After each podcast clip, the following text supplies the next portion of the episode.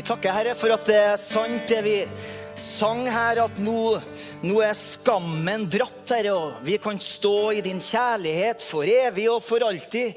For skylda den er betalt, og derfor så vil vi lovsynge deg for evig. Takk, Herre, at du er en Gud som strekker deg ut til oss alle sammen, eh, uansett hvilken kategori av menneske vi er, om vi har sunket dypt, så strekker du ut dine hender og tar imot oss. Om vi tror om oss sjøl at vi er perfekt, så trenger vi fortsatt å bøye oss ned ved det korset her og ta imot nåde og tilgivelse. Vi takker deg for at uh, du skal tale til oss alle sammen i dag. Vi ber om det i Jesu Kristi navn. Amen. Vær så god og sitt. Er du klar for uh, Guds ord igjen? Det er flott, det. Uh, I dag så har vi da akkurat det samme privilegiet som vi hadde forrige søndag. Vi skal lytte til Jesus når han forteller det som uh, mange mennesker betrakter som verdens beste historie som noensinne er fortalt. Og Den historien den finner du i kapittel 15 i evangeliet etter legen Lukas. Og Jeg sa vel forrige søndag at eh, mange betrakter Lukas 15 som selve evangeliet i evangeliet. Det er på en måte evangeliet i sin reneste form. Så i dag skal du få da del to, det som vi starta med forrige søndag. Særlig i lignelsen om den fortapte sønn, som enda bedre kanskje burde bli kalt for lignelsen om de to fortapte sønnene, så kommer liksom evangeliet fullt og helt fram. Og denne historien har evnen til å formidle guddommelige frelsessannheter i enhver setting. Uh, uansett kultur, i, i, Europa, i Asia, i Afrika, i Amerika. Men historien blir kanskje virkelig levende for oss når vi lytter til den i den settingen som Jesus snakka inn i når han fortalte denne historien opprinnelig. Og det er jo da i den kulturen som prega Midtøsten på den tida. Så vi skal lese fra Lukas 15. Fått meg en ny bibel, vet du, så da leser vi fra den. Eh, vi skal lese fra vers 1 først. Vers 1 og vers 2, og så skal vi hoppe til vers 11. Der står det sånn. Alle tollere og syndere holdt seg nær Jesus for å høre han. Fariserene og de skriftlærde de klaga og sa denne mannen tar imot syndere, og han spiser sammen med dem. Og Så kommer vi til vers 11. Da sa han en mann hadde to sønner. Den yngste av dem sa til far sin, 'Far, gi meg den delen av eiendommen som tilfaller meg.' Så delte han eiendommen mellom dem. Ikke mange dager etterpå samla den yngste sønnen sammen alt sitt og dro til et land langt bort. Der sløste han bort alt han eide, i et utsvevende liv. Da han hadde brukt opp alt, ble det en svær hungersnød i det landet, og han begynte å lide nød. Da gikk han av sted og slo seg sammen med en av dem som bodde i landet. Han sendte han ut på markene for å mate svin. Han spiste seg gjerne mett på de belgfruktene grisene åt av, for ingen ga han noe. Men da han kom til seg sjøl, sa han, 'Hvor mange av min fars leietjenere har brød i overflod, mens jeg sjøl går til grunne av sult?' Jeg vil stå opp og gå til min far og si til en, 'Far, jeg synda mot himmelen og mot deg.' 'Jeg er ikke lenger verdig til å kalles din sønn.' 'Gi meg en tjeneste som en av leiekarene dine.' Han sto opp og kom til sin far. Men han fremdeles var langt unna. Så hans far han òg, fikk inderlig medfølelse med han. Han sprang ham i møte, falt ham om halsen og kyssa han. Sønnen sa til ham, 'Far, jeg synda mot himmelen og mot deg, og jeg er ikke lenger verdig til å kalles din sønn.' Men faren sa til sine tjenere, 'Hent fram den beste festdrakten og ha den på han.' 'Sett en ring på hånda og sandaler på føttene hans.' 'Kom så hit med gjøkalven og slakten, og la oss ete og være glade. For denne sønnen min var død, og han har blitt levende. Han var fortapt og er funnet, og festen og gleden begynte. Nå var hans eldre sønn ute på marken. Da han var på hjemvei og nærma seg huset, hørte han musikk og dans. Så kalte han på en av tjenerne og spurte hva alt det her skulle bety. Han svarte han, din bror er kommet. Fordi din far fikk han tilbake i beste velgående. Han slakta gjøkalven. Da ble han sint og ville ikke gå inn. Derfor kom hans far ut og bønnfalt han. Så svarte han sin far, Se, i så mange år har jeg tjent deg. Jeg har aldri noensinne overtrådt ditt bud. Likevel har du aldri gitt meg så mye som et kje, så jeg kunne ha fest sammen med vennene mine. Men så snart denne sønnen din kom, han som har sløst bort arven etter deg sammen med prostituerte, da slakta du gjøkalven for han. Han sa til en, 'Sønn, du er alltid hos meg, og alt mitt er ditt.' Men nå er det rett at vi holder fest og er glad, for din bror var død er blitt levende.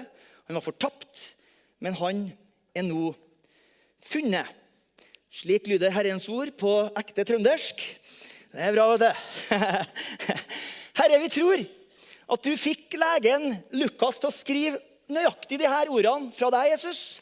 Og så ber jeg nå om at du ved Den hellige ånd virkeliggjør det som står her, sånn at det blir levende for oss i den situasjonen som vi er her og nå, i Jesu Kristi navn. Amen. Eh, når vi leser de her lignelsene i Lukas evangelium, så er det to ting som jeg du må forstå. Dette snakka vi litt om forrige gang. Jesus fortalte de her lignelsene som en respons på beskyldninger imot den fra fariserene og de skriftlærde. Det var derfor jeg leste vers 1 og vers 2 til det. Fariserene og de skriftlærde det var sånne selvutnevnte beskyttere av Israels gud, hans lov, hans gode navn og rykte. Og De var skikkelig nidkjære når det gjaldt det å opprettholde Guds hellighet.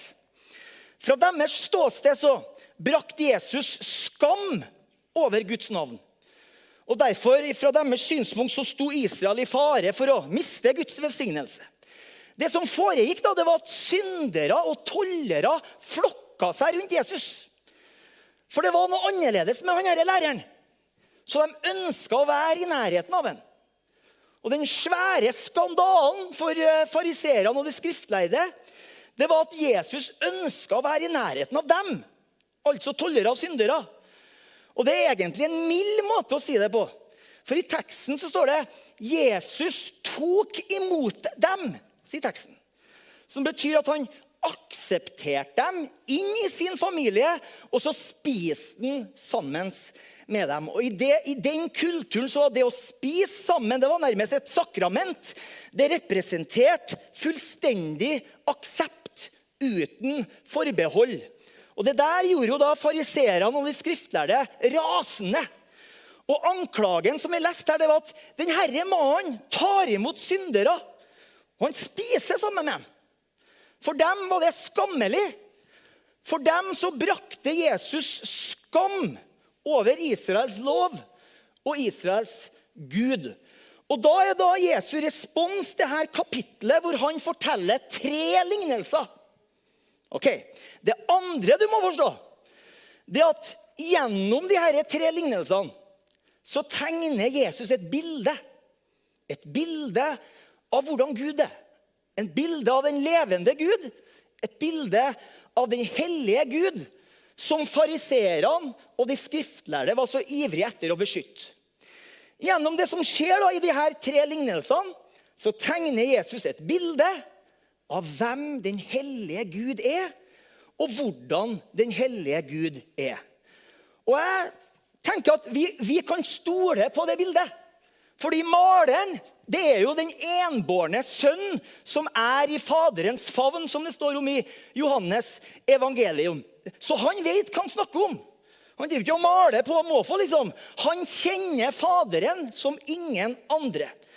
Når Jesus forteller de her tre lignelsene, så øker egentlig skandalen i forhold til fariseerne og de skriftlærde. Så Jesus gjør det bare verre for seg sjøl. Og det der er jo på en måte sterkt medvirkende i det som på en måte fører til at Jesus etter hvert da blir hengt på et kors. I vers 11 Du kan jo følge med i Bibelen din hvis du vil. I vers 11 så står det en mann hadde to sønner. To sønner. Det forteller oss at vi kan ikke forstå dette budskapet fullt og helt hvis vi bare fokuserer på den ene sønnen, som vi ofte har gjort. For en mann hadde to sønner. Vi går glipp av noe veldig vesentlig hvis vi ikke får med oss hva som skjer mellom faren og den eldste sønnen. Eh, men for, dere som fikk med, men, men for dere som ikke fikk med dere forrige søndags preken, så skal jeg gi deg en kjapp repetisjon. Er du klar for det? Det er bra. For uh, dere glemmer jo alt. Ikke? ok, Den yngste sønnen han sårer og han knuser faren sitt hjerte ved å be om sin del av familieformuen før faren er død. I den kulturen så var det det samme som å si at han ønska at faren var død. Veldig overraskende så gjør faren det som sønnen ber om. Han får en tredjedel av familieformuen. Han veksler det inn i cash, og så drar han til et land langt bort, hvor han sløser bort alt sammen. Så leser vi at hungersnøden rammer. Og han er i nød, står det i vers 14. Og Så går det så langt at han ender opp med å spise grismat. Og I den situasjonen som han da er i, så sier Jesus i vers 17 at han endelig kom til seg sjøl. Han kommer til seg sjøl, og det står hvorfor. Fordi han husker på hvor god faren er. Han husker på at faren er så sjenerøs også mot sine tjenere og ansatte. Så han bestemmer seg for å dra hjem, dra hjem. Og Så prøvde jeg forrige søndag å vise dere at det egentlig involverte en viss risiko. Fordi han visste veldig godt hva som venta han når han gikk inn gjennom den byporten. Ydmykelse, fiendtlige holdninger fra innbyggerne i byen, forakt fra den eldste broren, og han forventer også sannsynligvis forkastelse fra faren. Men han er desperat, så den risikoen tar han. Så han setter i marsj. Og så håper han da, på vei hjem at han skal bli behandla som en av faren sine tjenere. Leiekar, står det i, i min bibel. Og Så snakka vi forrige søndag om at han på vei hjem altså, komponerer en tale. Herlig. En tale i tre deler. Og Den tredje delen leste du om i vers 19, hvor, det, hvor han sier Gi meg en tjeneste som en av leiekarene dine. Han ville ha oppfatta det som nåde nok. Han vet at han har synda mot Gud og mot faren. Han vet at han ikke har noe krav på liksom å eh, bli behandla som sønn lenger. Faren i den kulturen har på en måte rett til å forkaste den fullstendig når han kommer hjem. Men når han kommer til byporten, så opplever en flere overraskelser. Alt det faren gjør i forhold til en, i forhold til den yngste sønnen, det er kulturelt helt fullstendig uventa. For det første så leser vi at faren har venta og lengta etter at sønnen skal komme hjem. For det andre så leser vi at han springer imot den når han ser den. En handling som er skamfull i den kulturen for en mann i den alderen som må, liksom, må løfte på kjortelen og avdekke undertøyet når han eh, er i gang. For det tredje, han omfavner og kysser sønnen sin. Enda en handling som medfører litt skam, for det ligger i den handlingen at faren overfører skammen og skylda på seg sjøl. Det er på en måte han som tar regninga. Og Så fortsetter overraskelsene i vers 22, fordi faren avbryter sønnen sin tale. Og han vil ikke høre på del tre, hvor sønnen ber om å bli en av tjenerne på gården. Sønnen rekker ikke å si det. For det er jo hans forsøk på å gjøre det godt igjen. Det er hans forsøk på å betale tilbake. Men det vet jo vi, det er et brudd med evangeliet, hvor han har betalt hele regninga, og hvor jeg og du aldri kan eller skal betale tilbake noe som helst. Isteden så befaler faren tjenerne om å finne fram den beste festdrakten og kle opp sønnen. Og du vet, Den beste festdrakten det var faren sin festdrakt. Gud klær oss opp med sin egen rettferdighet og sin egen hellighet. Og Så kom det en ring på fingeren.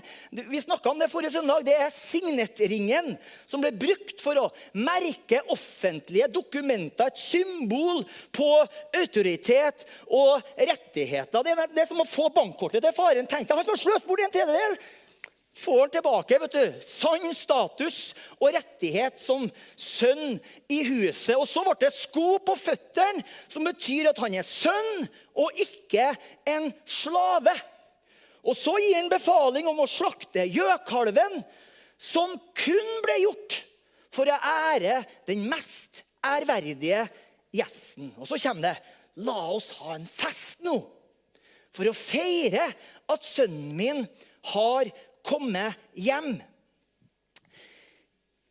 I denne delen av lignelsen så forteller Jesus fariseerne og de skriftlærde, som er så opptatt med å beskytte Guds navn og rykte, at Gud omfavner tollere og syndere som kommer hjem.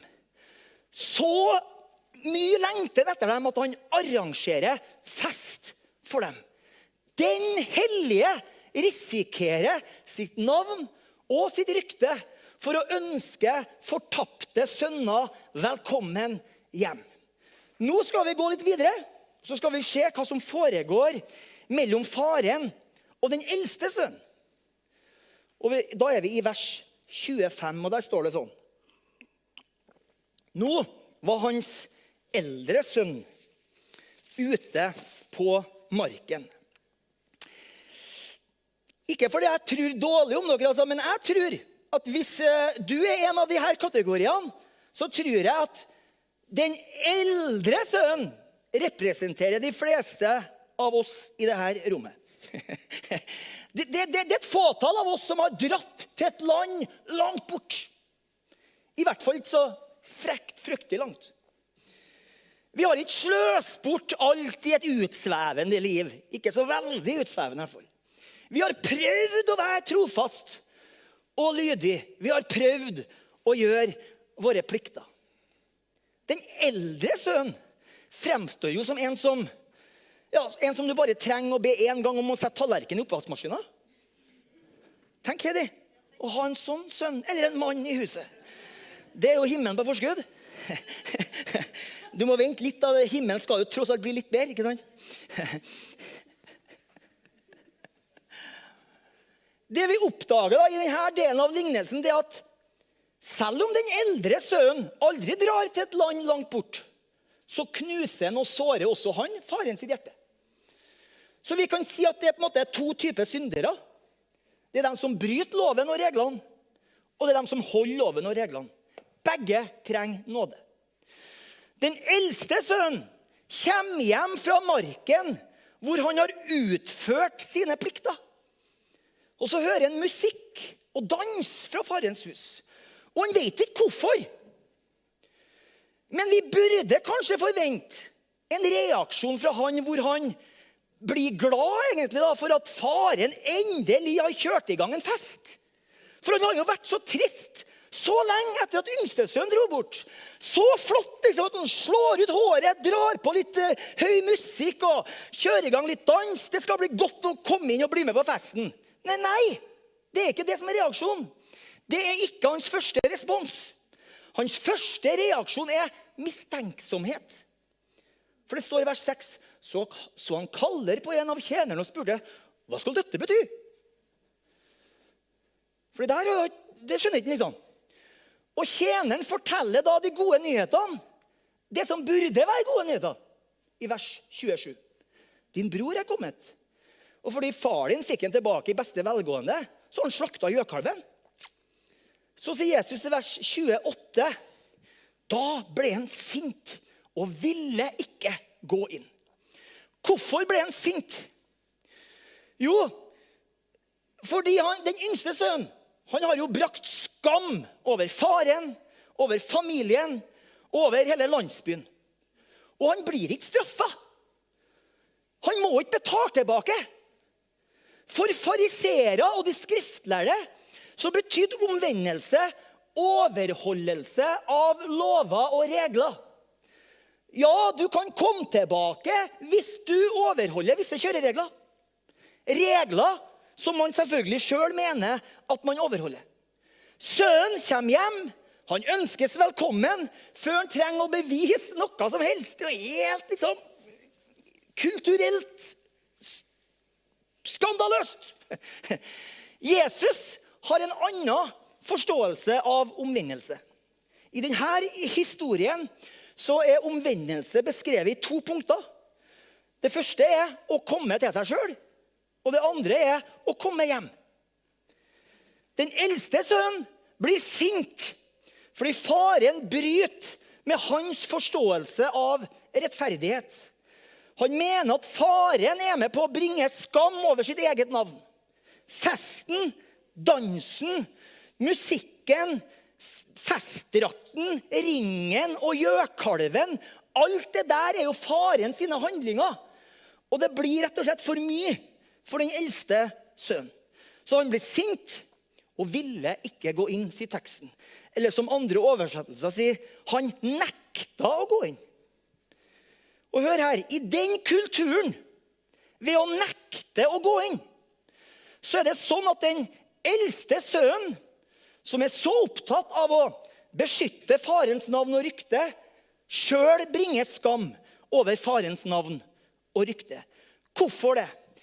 Jo, det er en, eh, en som heter for, eh, Han er doktor Kenneth Bailey. Da. Han sier at i Midtøsten så er det forventa at barna skal være til stede på sånne tilstelninger.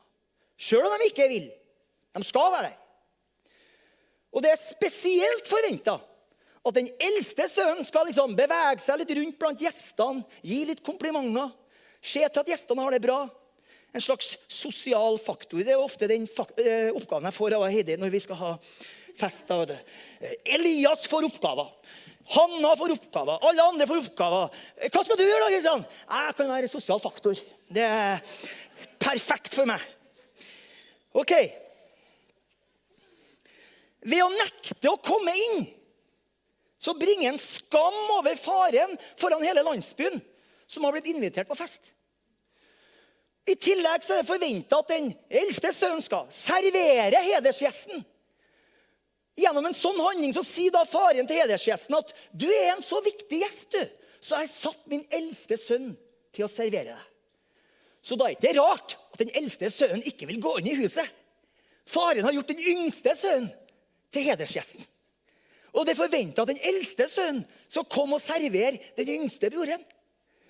Det var også forventa at den eldste sønnen skal komme inn og omfavne hedersgjesten og gi ham alt mulig av komplimenter. 'Å, 'Du er så bra!' Du, er så... du, skjønner at det skurrer for den eldste sønnen. Han nekter. Og Derfor så bringer han skam over faren. Så kommer vi til det aller verste. Hvis man var uenig med faren, så skulle man aldri bringe det fram i offentligheten. I den kulturen så skulle sønnen ha kommet inn, gjennomført sine plikter, og når gjestene har dratt, så kunne han ta det opp med faren. Men ved å nekte å komme inn, så er han ulydig mot faren offentlig. Så den eldste sønnen knuser og sårer også faren sitt hjerte på samme måte, men med litt andre handlinger. Kanskje på et dypere nivå, tenker jeg, enn den yngste sønnen. Jesus forteller denne historien for å vise oss Guds hjerte. Derfor er det interessant å se hvordan faren reagerer på den eldste sønnens oppførsel. Og Svaret på det er at han reagerer egentlig på akkurat samme måte som med den yngste broren. Han reagerer uventa og det er det jeg kaller for skandaløst. I denne kulturen så var forventningene at man straffa sønnen som brakte skam over det offentlig. Men hvilket bilde tegner Jesus av faren? I vers 28 så leser vi faren kom ut. Sønnen nekta å gå inn, så faren går ut. Og det er andre gangen den dagen at faren går ut av huset. Den første gangen for å møte den yngste sønnen. Nå går han ut for å møte den eldste sønnen. Og på den måten så bringer egentlig faren offentlig ydmykelse over seg sjøl. Han går ut, ikke for å fordømme den eldste sønnen, men han går ut for å ta den eldste sønnens skam på seg sjøl, som han også gjorde med den yngste sønnen.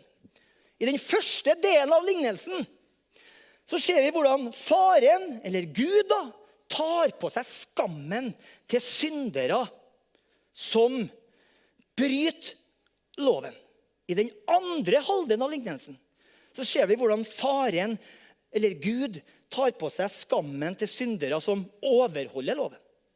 Gud, eller faren, elsker begge to. Gud elsker tollere og syndere, men også fariseere og skriftlærere.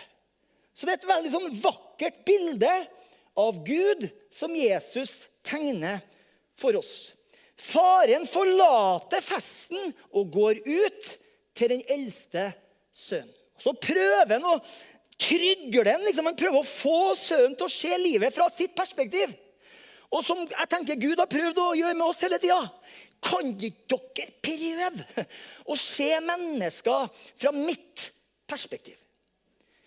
Det, det, virker på en måte som om farens glede er ufullkommen så lenge ett av hans barn er såra og lei seg. Hvordan responderer den eldste sønnen til farens skandaløse kjærlighet? Jo, den yngste sønnen han ble ydmyka av farens kjærlighet og kom hjem. Men hva gjør den eldste sønnen? Han fortsetter å ydmyke sin far. Vi ser det i talen hans. Du husker fra forrige søndag at den yngste broren komponerte en tale. Og den eldste sønnen har også en tale fra vers 29 og vers 30. Den talen viser oss egentlig hvor langt denne eldste sønnen har drifta bort fra faren sitt hus uten å fysisk ha forlatt huset. Og det er jo verre. Han er i huset, men han har egentlig forlatt faren inni her. Og han sier, 'Se, i så mange år har jeg tjent deg.' Har aldri noensinne overtrådt ditt bud. Likevel har du aldri gitt meg så mye som et kje, så jeg kunne ha fest med vennene mine. Men så snart denne sønnen din kom, han som har sløst bort arven etter deg sammen med prostituerte, da slakta du gjøkalven for han. De ordene der tenker jeg må ha blitt oppfatta som en kniv i hjertet og i, ryggen på faren. Legg bare merke til hvordan han starter talen. Det er liksom Skje! Det er liksom ikke, det, det er ikke noe ære der. Når den yngste sønnen bestemte seg for å dra bort, så hadde han i hvert fall vett til å si 'far' i meg. Men her er det bare 'skje'. Og doktor Kenneth Bailey igjen, han sier den yngste sønnen var en opprører, og han visste det. Den eldste broren er også en opprører, men han vet ikke det. Så kommer det mer. Den eldste sønnen han åpenbarer mellom linjene at faren og farens venner ikke er hans venner.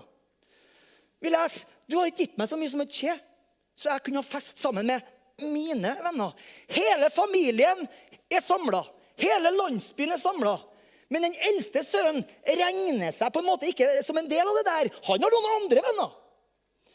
Og Det er en arabisk teolog og heter for Abraham Said. Han sier følgende.: Den eldste broren er ikke noe bedre enn den yngste sønnen, som tok sin andel av formuen og dro til et land langt bort. Forskjellen mellom dem er at den yngste sønnen var en ærbar synder, som var helt åpen med faren sin.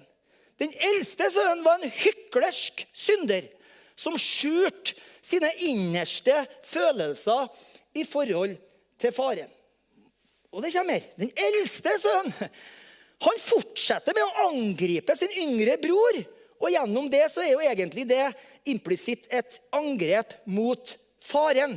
Han beskylder bror sin for å sløse bort alt på prostituerte.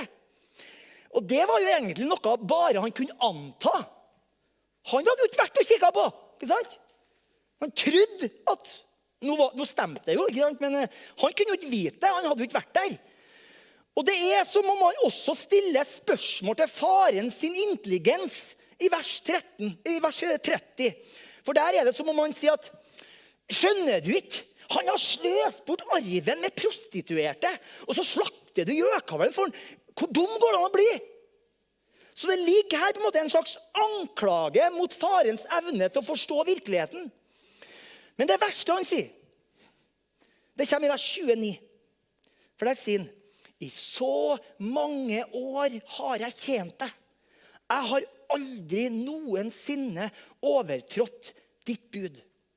Her avslører den eldste sønnen at hans relasjon med faren det er basert på å overholde regler.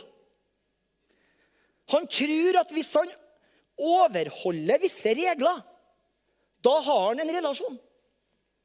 Men hvilken type relasjon er det? Det er ikke far-sønn. Det er herre-slave. Så liksom, Prøv å leve deg litt inn i det her. Klarer vi virkelig å gripe tragedien her? I alle disse årene så har den eldste broren missa hele poenget. Han dro aldri til et land langt bort, men han missa poenget. Som også mange eldre brødre gjør i dag, i overført betydning. Den yngste sønnen han kom hjem med en tale, sa vi. En tale i tre deler. Og den tredje delen det var følgende. Gi meg en tjeneste som en av dine leiekarer. Det var det siste han hadde tenkt å si. Det var del tre. Gjør meg til en tjener. Han trodde da med andre ord at han kunne rette opp forholdet med faren ved å gjøre noe. Altså at han måtte gjøre seg fortjent for å komme inn i varmen igjen. Men så oppdager han at nei, alt er jo av bare nåde. Tragedien her da, det er jo at den eldste sønnen han har egentlig levd den tredje delen av den yngste sønnens tale hele livet. Han holdt seg hjem, ja. Han dro aldri til et land langt bort. Men han kjente egentlig aldri faren sitt hjerte. Du skjønner, Far ønsker barn, ikke arbeidere og slaver. Alt det den eldste broren gjør, og alt det han sier, sårer faren sitt hjerte. Hvordan responderer da faren på denne ydmykelsen fra den eldste broren? Jo, i denne kulturen så er hans respons uventa og egentlig en skandale. I den kulturen så forventa man at faren skulle bli rasende. Men også i dette tilfellet så ydmyker faren seg sjøl. Han kunne ha krevd at sønnen gjorde det han ba om. Eh, men hva ville han oppnå med det? Så Han gjør ikke det. Han, han trygler og bønnfaller sønnen sin. Han, og det står i teksten 'sønn sin'. Sønn. Og Han bruker der et mer følelseslada ord på gresk, egentlig, som bedre burde oversettes med 'barn'. Ordet er mer følelseslada enn det ordet faren bruker om den yngste sønnen. Kanskje, jeg har bare tenkt liksom, kanskje er det sånn at eldre sønner trenger litt mer bekreftelse på at de er elska. Barn, du er alltid hos meg, og alt mitt, det er ditt. Alltid og alt. Herlig. Faren forsikrer den eldste sønnen angående hans status og rettigheter. Alt med til ditt sin. Eh, og det at den yngste sønnen har kommet hjem, forandrer jo ikke noe på det. Gud er full av nåde. Og når han gir nåde til noen andre, så tar han ikke nåde fra deg. Og helt på slutten her så åpner på en måte faren sitt hjerte helt og fullt for den eldste sønnen. Og så sier han vi, vi må holde fest og være glad. For, for broren din som var død, han har blitt levende. Han var fortapt, men nå har han kommet hjem. Vi, vi, vi må ha fest. Så her åpenbarer Jesus for oss det noen kaller for den tryglende faren. Som trygler og bønnfaller sine barn om å komme inn i den gleden som han har i det å være nådig mot syndere. Hvis budskapet til den yngste broren er 'kom hjem', så er budskapet til den eldste broren 'kom inn'. Kom inn til Faderens hjerte. Altså, du kan være hjem uten å komme inn. Den eldste broren trodde at han var inn. Fordi han var så trofast, og han gjorde alt det faren ba om. Så når den yngste broren kommer hjem og ikke trenger å tilfredsstille masse krav, så blir da eldstemann sint. Du skjønner, Fariseerne og de skrifterne de trodde at deres forhold til Gud var basert på prestasjon og karakter. Og Derfor så krevde de at tollere og syndere de måtte gjøre akkurat det samme. Prestasjon og karakter.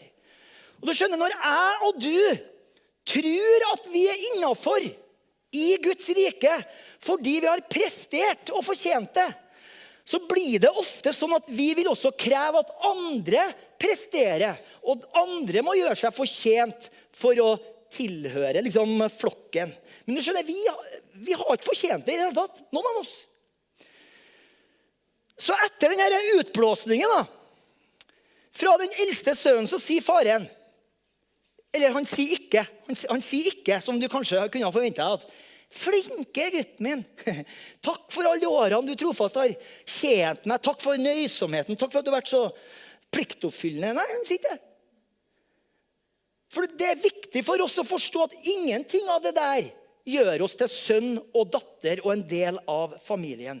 Vi er i familien fordi han elsker oss. Det fins ingen annen grunn. Eh, veldig mange kristne, tror jeg, sliter med det vi kan kalle for eldstebrorsyndromet. Veldig mange føler, eller ikke føler, frelsesvisshet basert på sin prestasjon eller mangel på prestasjon. Og det er veldig synd. Jeg tenker at Det, det vitner om, en, om, en, om en, litt, en, mangel på forståelse av evangeliet. Og Jeg har mange ganger eh, stilt meg spørsmålet hvorfor har det blitt sånn i våre kretser. Jeg vet ikke, men jeg tror på en måte at hele det kristne fellesskapet, hvordan vi er og snakker oppfører oss, Alt det her må ta litt skylda for det. Evangeliet det er jo at Faderen har kommet ut til oss. Han har tatt vår skyld og vår skam. Han har omfavna oss, og så har han ønska oss velkommen med skandaløs kjærlighet. Og det er ingen annen grunn for at jeg og du er her. Helt til slutt. Hva skal vi gjøre i respons til Jesu lignelse? Jo, jeg tenker ganske enkelt følgende. Yngre brødre og søstre i et land langt bort. Lovbrytere, tollere, syndere. Kom hjem. Det er budskapet.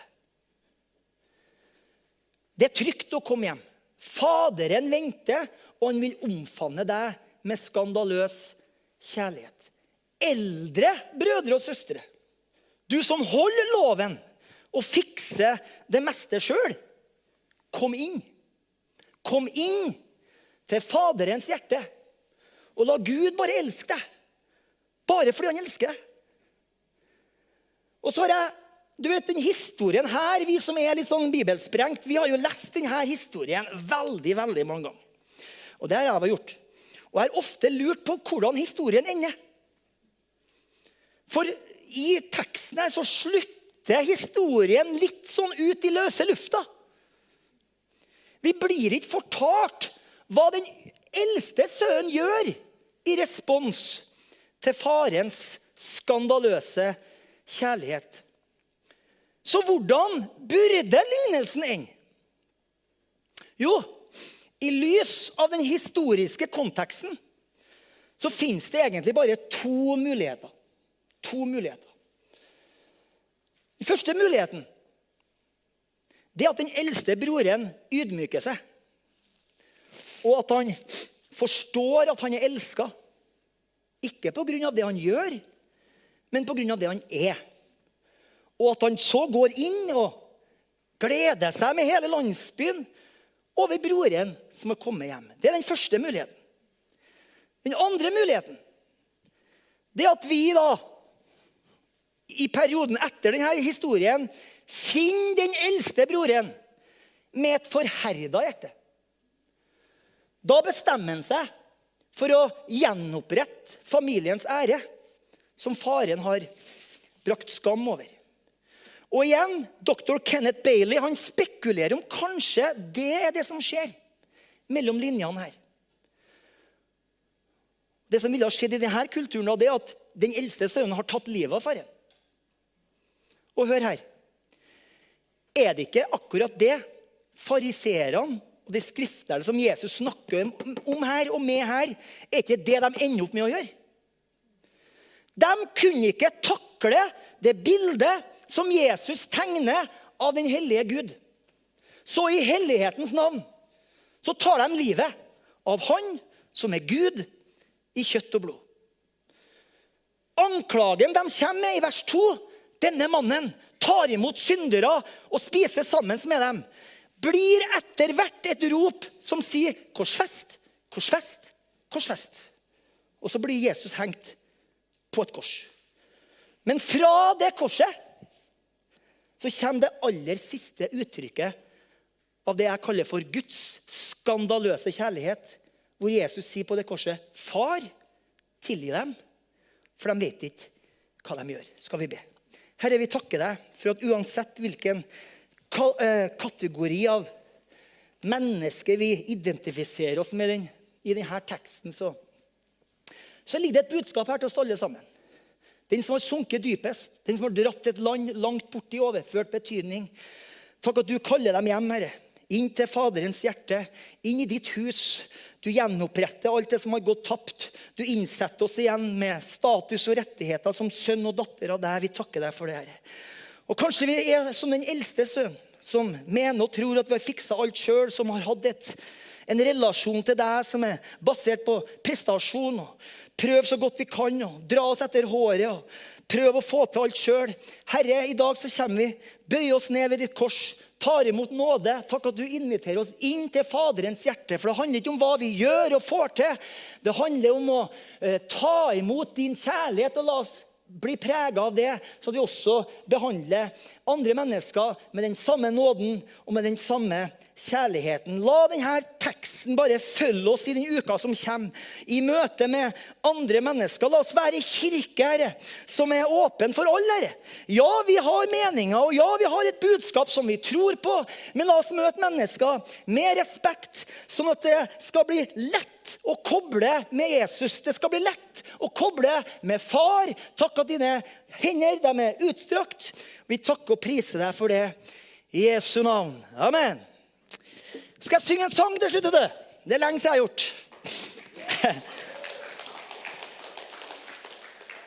Skru du av den her, du? Um.